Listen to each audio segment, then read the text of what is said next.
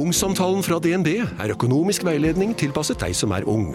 Bokk en ungsamtale på dnb.no. slash ung. Det er kjempebra hvis du skal inn på boligmarkedet! Hvis det er drømmen din, liksom. Det er det du skulle sagt. Og så kunne du ropt litt mer, da, sånn som jeg gjorde. Bam! Åh,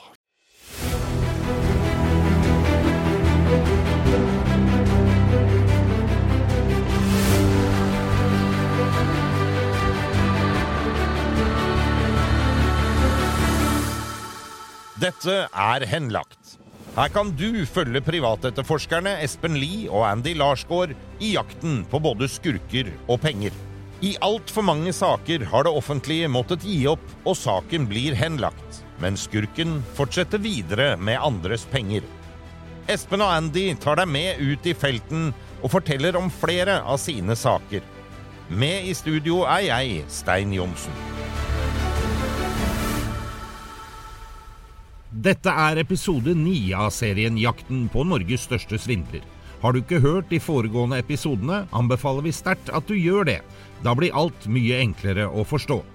Arne Søberg ønsker enn så lenge ikke å gi noen kommentarer til serien, men sier at han ikke er svindlet, og at pengene kommer. Johannes Flø har ikke svart på noen av våre gjentatte henvendelser.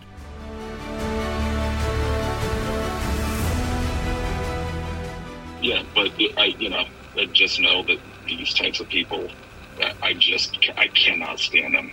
Yeah, They've got to get it. They've got to get pulled off the streets.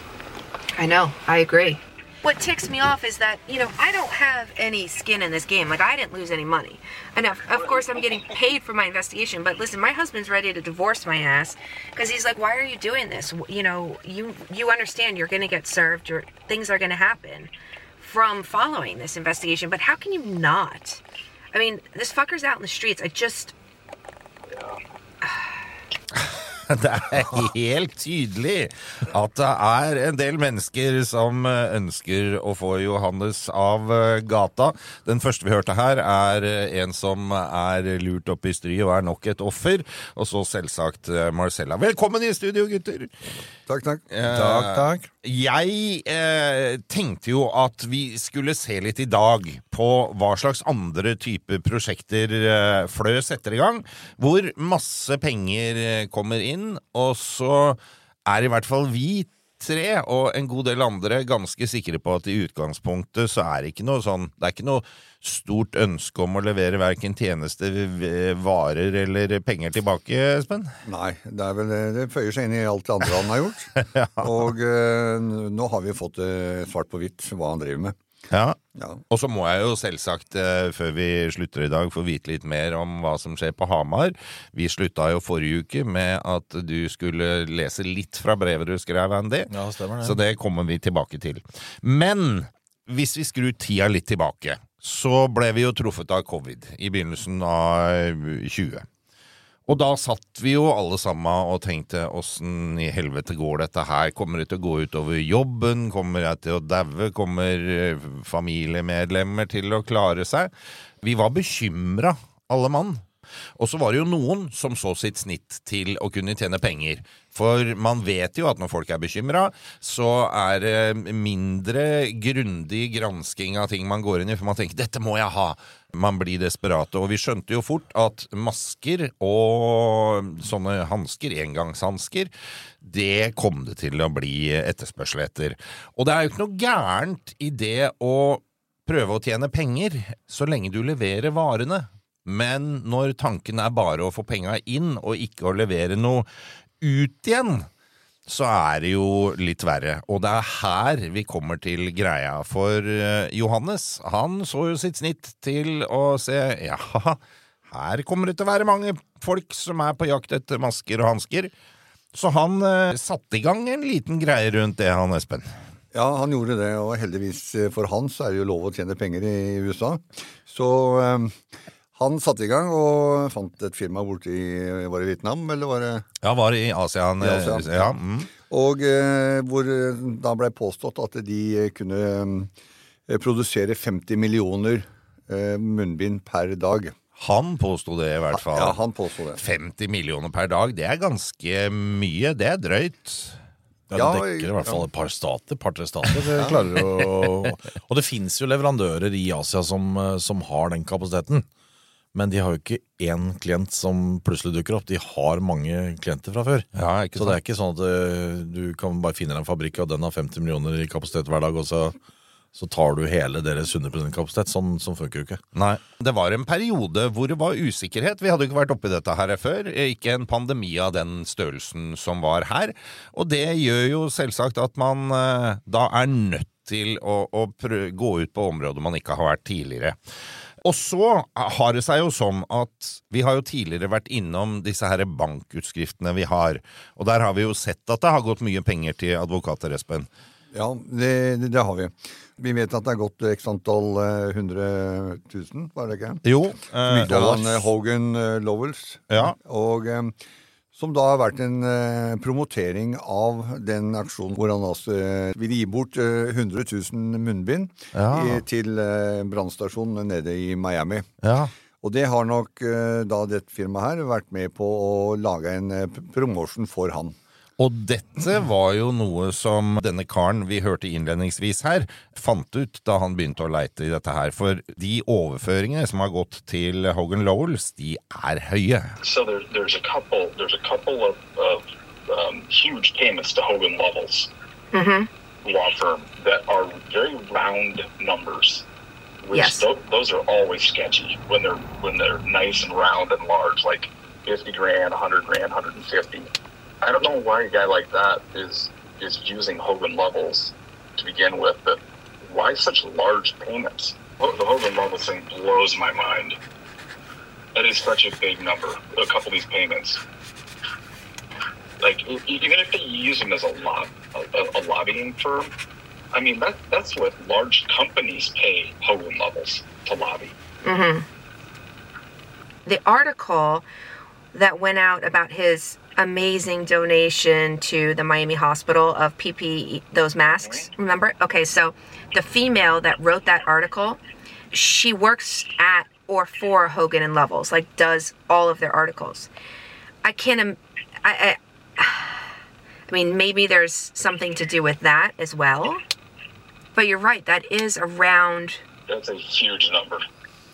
En veldig stor uh, sum, eller store summer, også det at det har gått mange av dem, som er sånn det, eh, Når du får et advokatfirma til å gjøre en jobb for deg, så blir ikke summen lik hver gang. Nei, det er riktig. Den, det bør jo være noen uh, 10.343,44.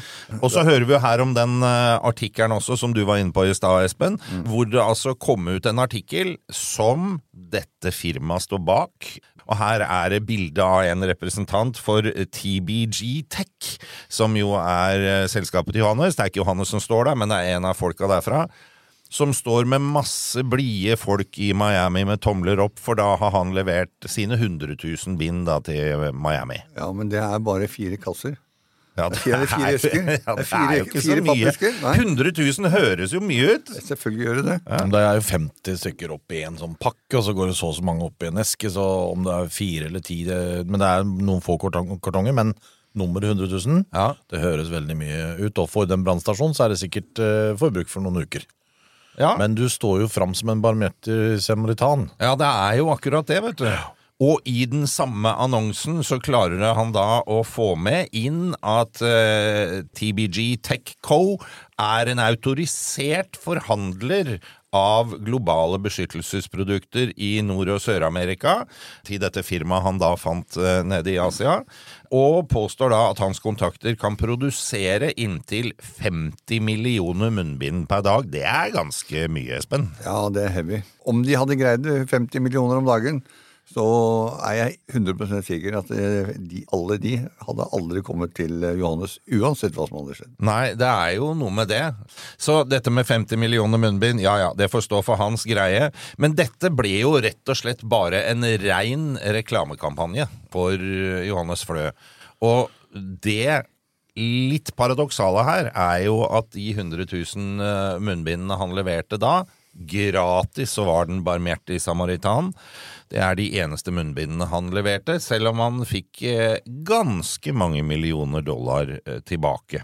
Og så må jeg nesten ta med at eh, han skrev en egen liten kommentar i denne artikkelen. We need to protect our families. We need to protect our neighbors. It's our duty to show compassion to our community, and it starts by putting on a mask. Fleur continued, We want to bring awareness of the importance of using the correct masks and that when you wear one, you become something bigger than yourself. COVID 19 has reminded us that we are one, we fight as one, and that there is integrity in doing something for others and true strength from empowering others. That's the unifying idea that inspires Wear One. Åh, skal jeg klappe? Uh, ja Det er jo Herregud. Det er ganske drøyt. Ja, det er, det er helt klart. Det er spørsmålet om å finne det der et annet sted. På en, Ja, på en det- annen nettside. Det høres nesten ut som Ja. en takketale på et eller annet. Og så er det jo sånn, da, når han har gått ut med denne artikkelen, så kommer det masse folk som leser denne artikkelen og tenker oi, han er nesten eneleverandør her, ja. Han er den eneste som har en deal med de. De kan produsere inntil 50 millioner munnbind per dag. Så kommer bestillingene inn, da. Ja, det er jo sånn, eh, i hvert fall når folk begynner å lese det der, og Ja. får det med seg i nyhetene, så tenker de at ok, her er en som kan levere masse, Ja. og tar kontakt da med eh, TBG Tech, eller hva det heter. Ja, ikke sant? Ja. Hvor Johannes jo selvsagt har en mellommann som vanlig, som er ute og henter inn penger. Og dette skjer, og det var han vi hørte eh, innledningsvis her. Han har jo vært utsatt for akkurat dette. Og når han begynner å titte litt rundt, så finner han jo eh, at han er ikke den eneste. And when you start searching Johannes Flow, obviously you came came across a lawsuit uh, from a company out of North Carolina called Atlantic Packaging for the exact same scheme uh, that we get tied up in. Uh, Atlantic Packaging sent them a million bucks, uh, you know, at some point about six months prior to us financing the trade, and and uh, no gloves showed up, and so on and so forth. They're they're suing him for the exact same thing. And I said, hey man, these these guys aren't they're not they don't have a great track record. You need to get out of the trade, get our money back. Og det var jo det som denne karen prøvde også, å få eh, penga tilbake. Så kommer jo det morsomme, da, for denne Starley, som var mellommann, han hadde jo fått penger fra sine klienter, betalte inn til Flø, og så venter de jo på hanskene. Og da begynner jo denne karen vi nettopp snakka med, å etterlyse. Dette er 24. august 2020. Enighet mellom Flø og Starley at de hever kjøpet og gir refund. For det de har funnet ut at nei, her må de trekke seg. Og der er det enighet, altså. Den 26. august, altså to dager etterpå, får de beskjed om at dette vil ta litt tid å få til på grunn av litt forskjellige signaturer og sånn. Enda litt seinere, 1. september, refundet blir forsinket fordi TBG Tech, han som styrer med bankgreier og stem, han er ikke på kontoret. Det, det blir- Ute til lunsj. Ja, ute til lunsj, han rett og slett. Og det, det er jo dumt. Og så var det enda noen dager etterpå. Ja, vi skulle overføre, men den gikk ikke gjennom fordi det var Labor Day og fredag, så derfor blir den noen dager forsinka og kommer i neste uke. Så kommer det da neste uke. Flø sier at pengene har forlatt hans konto, og at han ikke skjønner hvor de har blitt av, men skal undersøke hva som har skjedd. Enda en uke seinere, Flo skal gå i møte med banken for å prøve å finne ut hvor problemet ligger. Han er på tilbudssida her og hjelper til, da. Er du gæren? Ja, ja. Og så, eh, 14 dager etter det, kunden kaller inn Flå og Starley, som var mellommannen her, til konferanse for å komme til bunns i saken. Hvem møter opp? Ingen. Ja, ja, det er helt riktig. Ingen møter opp. Fire dager seinere, Starley tekster eh, Atlantic, som er de som har levert inn pengene her, og sier at de jobber med Flø for å finne en løsning. Altså Nå har de holdt på i, i ukevis. Mange uker. Tre, eller, jeg husker ikke, det var tre millioner dollar? var det ikke? Jo, tre Det er altså 33 millioner norske kroner. Ja. Dette, det er totalen. Ja. Han har, han har gjort dette tre ganger, Ja. men han har vært tatt én million Fra hver av dem, ja. Det er det som er viktig. Ja. Så det er én million dollar som vi venter på eh, her, og så skjer det samme i flere andre steder. Og så er det da noen dager seinere enn dette, så gir Starley beskjed om at Flø vil løse dette med banken direkte. Det var jo lurt. Å finne alternative måter å fikse det på, siden banken ikke klarer det sjøl. Det er igjen ganske raust han, da, syns jeg, å ta på seg denne hatten. Enda noen dager seinere melder Starley at Flø nå skal overføre penger direkte fra seg sjøl istedenfor å bruke banken. Det er ikke måte på hvor raus han er, for banken klarer det åpenbart ikke. Og de ber om en skriftlig bekreftelse da fra Starley på at det er tilbakeført penger gjennom banken, som Flø sier, men de får aldri noe svar på det. Tre dager seinere så sier Flø at pengene kommer denne uka. Det låter kjent. Dette har jeg hørt før. Penga kommer. Eh, ja, penga kommer. Så er det nesten 14 dager seinere. Så ber de om en konferanse for å unngå at dette går til rettslige skritt.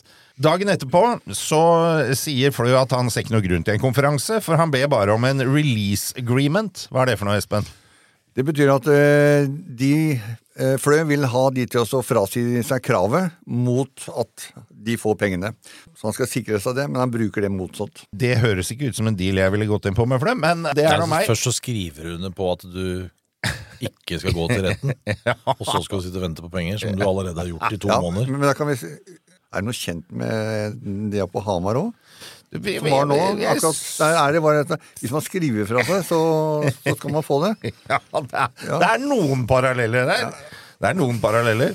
Men på dette tidspunktet her så skjønner jo da Starley, som har sittet som mellommann, at han aldri kommer til å få noe som helst penger av Flø. Så han vil bryte med Flø, samtidig som han ber om at de da tre millionene, for det er fra tre forskjellige klienter, som han har formidla, kommer tilbake til kjøperne. Og hva blir konsekvensen av det, mon tro? Jo, da blir det rett og slett sånn at uh, Flø han uh, stopper e-mail-kontoen og bare bryter alt med Starley. Så Starley får ikke fatt inn, og alle mailene hans og mailkontoen hans, og alt er borte, han som har samarbeida med Flø. Og så er det da bare et par dager etterpå, så er det saksøking av Starley og Flø. Dette skjer i oktober i 2020. Et år seinere, nesten, i september 2021, så blir saken henlagt. Hvordan kan den bli det, Espen? Den blir henlagt fordi eh, de har tatt opp eh, saken i feil eh, stat. Nei, jeg husker ikke hvilken stat det handler om, men jeg vitner om litt dårlig juridisk forarbeid av de som er med på saksøket, tenker jeg. Dette er jo ikke over. Den ble dismissed, men disse folka her jobber, Vi hører jo han eh, som har vært utsatt her. Han jobber fremdeles for å få saken opp, han. Ja, det gjør han, og eh, han har vel også kontakt med de andre nå. Så at alle tre firmaene kjører på, på Johannes. Men du var inne på noe her i stad, Espen. Det, det er mye paralleller til Hamar her. Og jeg kan ikke fri meg for å tenke at han herre Starley, som var mannen som dro inn penger og betalte videre til Flø, minner fryktelig om en norsk fyr ved navn Arne. Det, de gjør det, og det er sannsynligvis akkurat det samme som har skjedd der oppe. Ja. Eh, Det er bare at eh, han eh, Starley har jo skjønt dette rimelig kjapt, Ja, i motsetning til han andre. ja. Så Det er her helt katastrofe, vet du. Ja, det er jo Det det. er jo kata altså, det, det er jo en perfekt scam, rett og slett. Jo. Han har gjennomført en perfekt scam, sitter med flere millioner dollar på konto, betaler ikke tilbake, og så skjer ingenting i rettsapparatet, og ingenting som skjer med han fysisk. Det er rart ikke han blir tatt av en Ja. Det er jo veldig rart, og det bringer oss videre. For det disse gutta her, når de holdt på med denne saken, de eh, involverte jo, fordi de da fant at det var flere steder òg, så eh, engasjerte de jo advokater og prøvde også å dra dette over til FBI. um, we had um, reached out to our attorney uh, to start the legal process. Um, and the, the so when we got visibility into the transaction, we financed Aplaya, who then financed an attorney IOLTA account on behalf of TBG. Um, but we had started gathering information and, and feeding it to the attorney, and we had reached out to the FBI and said, "Hey, there's there's something there's something you know fraudulent going on here." And you know, of course, we get passed around to a few different agencies, and nothing ever materialized from it. Arne påberoper seg jo hele tida at han ikke er lurt av Johannes. Han er aldri svindla. Eh, Johannes er en god venn. Ja, han er som en bror, har jeg har hørt han har sagt. Ja, Og de ringes og snakkes ofte. og Jeg vet ikke om det Jo. bare er om været, men Nei, jeg tror ikke de snakker så mye om været, skal jeg være helt ærlig. For det er, det er stor forskjell fra Norge til, til Rhode Island. Men eh, de snakker sammen hver dag. Og han, eh, Johannes har jo sendt noen mail. Han begynte vel med, først med tilsvar på, fra en mail herfra. Og eh, så har han kommet flere mailer etterpå. Og du hører, eller du leser og skjønner at det er ikke Arne som skriver det. nei. Det er Johannes som skriver, eller forteller Arne hva han skal skrive. Ok. Ja, Det ser du gjennom hele greiene. Han, Ja, ja. han er ikke. Eh, og, og litt av greia her med dette at han betrakter ham som en venn Vi har jo hørt at eh, det er jo ikke alltid at venner, eh, selv vennskapet til Johannes Flø, holder deg utafra det å bli svindla. Again, I reached out to Marcella because one of Jay Flo's really good friends a few years ago was a was a guy out of the, the Northeast that I was introduced to named Brian Harris. And I was uh, introduced to Brian by a mutual friend who said, you know, you're never going to believe it. This guy also was defrauded by Jay Flo.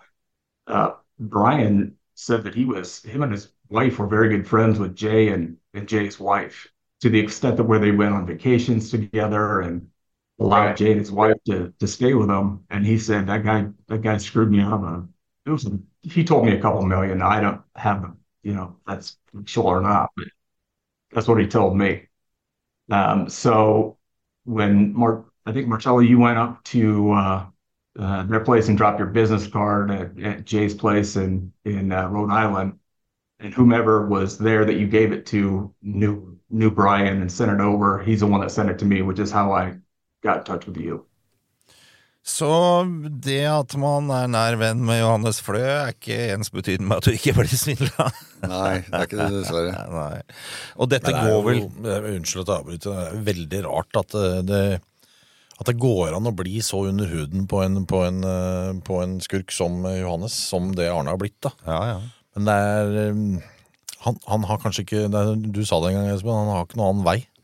Rett og slett ikke noe annet enn å bare fortsette å tro for noe. Hvis han sier at det er en scam, så har han faktisk tapt hele livet sitt. Det kan jo virke sånn, og det bringer meg over til eh, Arne Søberg. For det første så vil jeg høre litt hva det var du sendte av gårde for en mail, og så må jeg høre hva, hva, hva skjer oppe på Hamar-fronten nå. Nei, Det skjer jo mye på Hamar, men det har skjedd mye på Hamar hele veien. egentlig. Vi kunne egentlig sittet her sånn med live mic og fortalt ting som tikker og går inn fra Hamar hele tida. For det er mye Vi skal snart live til Hamar. Spør om det er i Hamar 11. mai, er det ikke det? Det er helt riktig. Torsdag 11. Så mai. hadde jeg egentlig en sånn liten drøm, da, en fantasi, og den er jo, det er jo naivt av meg òg, å tro at Arne skulle faktisk eh, bli med på å hjelpe til der. For det, nå, nå har vi nok dokumentasjon på at Johannes er en skurk. Ja, Vi har nok eh, dokumentasjon på at Arne har tapt alle pengene sine. ja. Og så har vi noe dokumentasjon på at de driver fortsatt eh, med kokkeli-munke-greier sammen, de to. Og det tenkte jeg skulle skrive et lite brev da, til, de, eh, til de involverte parter, som er altså da politi, påtalemyndigheter, bostyrer, skatteetaten, kreditorutvalget og disse stakkars kreditorene som sitter igjen og ikke har fått penger. For dette brevet begynte du å snakke om forrige gang, og jeg ba deg pent lese litt fra det. Det ville du ikke, for da var du ikke klar. Det er jo litt langt, så det, jeg leser noen bruddstykker av det. Hei. I det vi har valgt å kalle Hamar-saken, ønsker jeg å avklare et par viktige momenter, samt å komme med en anbefaling for den videre prosessen. Som dere sikkert har fått med dere, har vi over en lang tid jobbet med denne Hamar-saken. I vår etterforskning, som er nå omsider eh, mot slutten, så har vi funnet det smoking gun. Arne Søberg tror ikke vi er en skurk. Vi tror at han har blitt svindlet av Johannes Flø i USA, som flere andre. Vår anbefaling er å la bostyrer i TBGRT AS, det er selskapet, da, Lise Marken Osterud, ta del i prosessen og få det materialet fra oss med det genuine formålet om å få pengene tilbake til Hamar og kreditorene. Vi ønsker å tilby bostyret en del av etterforskningen, både dokumenter og personell i USA. For vi selv er jo ikke noe politi, og vi skal ikke arrestere noen, og, og, og så videre. Men vi mener vi har funnet et sted hvor det kan faktisk være verdier. Som Arne Søberg også har skrevet, så er det verdier tilgjengelig, men han holder det skjult for bostyrer. Vi håper også oppriktig at Arne Søberg kan bli en del av dette teamet, da, slik at eh, han også kan hjelpe seg selv. For både hans kone, barn og øvrige familie så må jo dette, denne saken være en stor tragedie. Og Ideelt sett vil utfallet kunne bli at kreditoren får tilbake pengene sine, Arne beholder hjemmet sitt og kan jobbe videre som den flinke fagpersonen han egentlig er. For det er mye bedre å være et uskyldig offer av en større svindel enn å være den som har utført svindelen. Og denne mailen du skrev her, Andy, den gikk til? Jo, den ble sendt til eh, bostyrer, politiet, skatteetaten, kreditorer, kreditorutvalg og Arne Søberg selv. Så det betyr at eh, dette har gått ut til alle. Har Arne svart? Ja, han har svart. han har svart. Oi, hvor, Ja, hvorfor det, er, ansiktet der? eh, Nei, men det går ikke an. Vi kan ikke ta med det i denne, denne podkast-delen her, for da må vi lage en verdens lengste episode, for den var på syv sider. Oi, Så, var litt dette Espen var inne på her i stad? ja, jeg tror Espen har rett. Det er, eh, det, er nok en, det er nok ikke bare Arne sine ord som kommer der. Snakker om helt andre ting enn det å betale tilbake pengene til kreditorene. Han mener jo han har liksom funnet ut at det er Nå er det Espen og min skyld at ikke kreditorene har fått pengene. For vi surrer jo bort i etterforskningen og bostyrers arbeid og videre. Jeg, må bare bruke ordet natta. Han har vist for meg verdier på, øh, altså fysisk foran meg og, og fortalt om det, og vi har funnet verdier i, i utlandet. Vi har funnet mye scam som det de har gjort, men det han fokuserer på, det er egentlig hvor skummel Espen er, og straffbar og kjempeskurk han er. Og at han har funnet øh, at jeg har vært arrestert et par ganger for en øh, ja, 10-15 år siden. Og at det er fokuset. Og det skriver han i sånn returmail til, øh, til kreditoren og seg selv. Og han skriver også at han har verdier. Han skriver sjøl at han har verdier, men at han ikke vil gi det til bostyrer. Det er bounndragelse. Ja, Punktum. det må det jo være. Ja, det er helt utrolig at han uh, sier sånn, eller skriver sånt noe. I det hele tatt. Altså, at ikke Ja, Da har han skrevet svart på hvitt at han har Han har unndratt bo, boet, og da, da, da skulle jo bostyrer da bedt politiet og å arrestere den og fått den inn og fått den til å vise hvor han har de midlene. Er det, og har han nok penger da, til å betale til, eh, til kreditorene, så er det vel, vel og bra, det. Men, når, men det, det skjer jo ikke noe der oppe heller. Nei, Det er jo spesielt. Ja. Og nå får han jo Nå får han jo Hva heter det? Skjegget fullt av postkasser, eller hva det heter. Han får eh, sikkert en innkallelse etter hvert, hvor, ja. hvor, eh, hvor bostyrer eh, har fått informasjon fra oss. da. Det, det er jo liksom det vi har tilbudt på Bo nå. De driver og behandler den saken. Um, hvor det er både The Smoking Gun og mer til. Det hadde jeg aldri latt skje hvis jeg var Arne eller Johannes, for å være helt ærlig.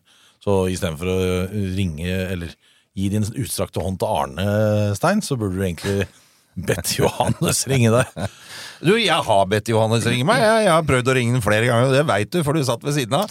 Det har vi til og med opptak av, så han, eh, jeg tror ikke han vil snakke med meg, eh, rett og slett. Men, Men en av grunnene til at du gjorde det, Stein, Ja. det er jo også fordi at eh, de har jo faktisk rett på tilsvar. Altså rett til å fortelle sin side av saken. Absolutt. Jeg har latt den døra stå på vid gap siden Ja. vi starta dette her. Vi har prøvd å ringe han mange ganger. Han tar ikke telefonen fra oss. Han tar ikke, svarer ikke på beskjeder, mailer eller tekstmeldinger. Og da får vi ikke gjort noe mer, da. Og Arne sa vel at han ikke var interessert i å kommentere, var ikke sånn? Jo. Han vil ikke kommentere, men eh, vi har også sendt meldinger til eh, kona til Johannes. Det har vi.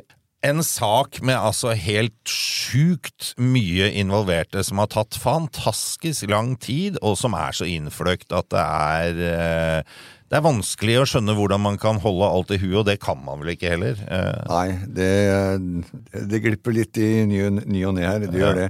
Så vi har jo da kategorisert alt sammen vi har, så vi kan bla tilbake. Ja. Og viktig å si også at uh, denne saken er helt eksepsjonell og unik selv i deres verden. Da liksom. kan jeg få lov å si noe der. Det er det Espen Akka sa noe med kategoriseringen sånn. Selv om vi faktisk har flinke folk rundt oss, Ja. Så er han så svær. Han er så svær, og jeg kan skjønne en politiperson som får inn en, en anmeldelse på dette her, som begynner å grave.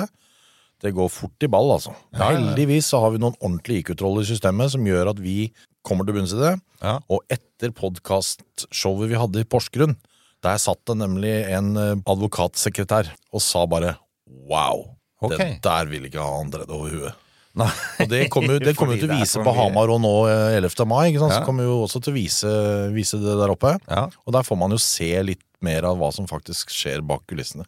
Det gjør man. Der får man også se videoer fra en eh, del av greiene. Men det jeg skulle fram til, Espen, er at dette er ikke representativt for de sakene du jobber med til daglig, eller dere jobber med til daglig. Det er mye mindre enklere saker òg. Ja, jeg tenker Hvis det sitter noen nå og hører på og tenker kunne vært greit å få hjelp av de gutta. Ja da. Det, det er, altså de fleste sakene er jo mindre saker. Enklere å løse, enklere å komme til bunns i. Heldigvis. Ja, heldigvis, for denne saken her er en av de største jeg har vært borti. Og, eh, men den egner seg veldig godt på en podkast. Ja. La, la oss si at én av hundre eh, som- av sakene vi holder på med, er kanskje egnet for en podkast. Så ikke vær redd for at alt det du tar imot av oppdrag eh, havner på lufta. Det er det vi må si. Helt korrekt. Ja. Det er helt riktig som Espen sier, at det er jo de færreste saker har jo noe med podkast å gjøre, for det er, det er jo én har lånt penger av en annen. Og så møter vi, og så er vi meglere, som vi faktisk er. Altså, Ja. og, og vi hjelper bostyrere. Ja. Eh, hvor det er forsvunnet ting fra boet, altså hvor det er stjålet verdier fra, fra et bo. Eh, eller vi eh, avdekker eh, ren svindel i, i bosammenheng, og også eh, innenfor lånevirksomhet og etc. etc. Også en del bedrifter som vi, vi hjelper. Men Espen, hvis det sitter noen nå og tenker kunne jeg sjekka om Espen og Andy kunne tatt en jobb for meg, uten at jeg er nødt til å lage podkast, hvor får de fatt i det? Nei, de, vi finner oss på nett. Ja. Vi er både på Facebook med henlagt, og vi er på Facebook, både Andy og jeg. ja. Så det er bare å søke oss opp på et eller annet sted der. Ja, altså Vi svarer jo på alle henvendelser. ja. Men det er klart at eh, hvis du har eh, skilt deg fra kona, og det står igjen en vaskemaskin i, i huset der du dro fra som ikke du får ut, det blir litt for lite. Espen Eh, klarer å bære en vaskemaskin, han. Ja, men det er, det er helt utrolig. Det er jo faktisk et tilfelle vi fikk. Å ja. Det, ja, det er ikke noe vi tok rett ut av lufta. Det, det, det er en, faktisk en, en forespørsel vi har fått. Kan du hente vaskemaskinen min? Den kosta fem- nei, den kostet 8000 for fem år siden. Altså. Verdifastsatte 5000 av den personen som henvendte seg. Så har vi jo fått sånne andre rare altså vi, vi tar ikke på oss eh, voldsoppdrag, som jeg har sagt. Nei, nei. Og vi fikk jo en sånn uh, meldingstirade på natta her. Okay. En som skulle eh, hevne seg over en annen, ikke sant? Ja, ja. Da skrev jeg bare at det, sånt gjør vi ikke. Og ja, men faen, en kan jo gi den en på trynet, i hvert fall. Eh, og så få, få, få han til å betale noe penger. Jeg syns han fortjener å betale litt penger. Og så når jeg våkner om morgenen, da for liksom, Så tenkte jeg jøss, har jeg drømt? Eller så går jeg inn ikke sant? så ser jeg på meldingshistorikken. Så er alt sletta. Ja, sånn skjer. Eh, vi må minne på at eh, den 11. mai så er vi på Hamar. De som har lyst til å stikke innom, kan stikke innom Scandic Hamar og kjøpe billetter der, eller på ticketco.no. Så da får vi bare si velkommen dit, og så kan dere møte gutta her. Så blir det en ny podkast etter at vi har vært på Hamar. Takk for i dag, gutter. Takk, takk. Takk, takk. Denne podkasten er produsert av Big Dog Media for Henlagt AS. Redaksjonelt ansvarlig for denne episoden er Gustav Jansen. Produsent Stein Johnsen. Alle navngitte parter har blitt gitt mulighet til å uttale seg.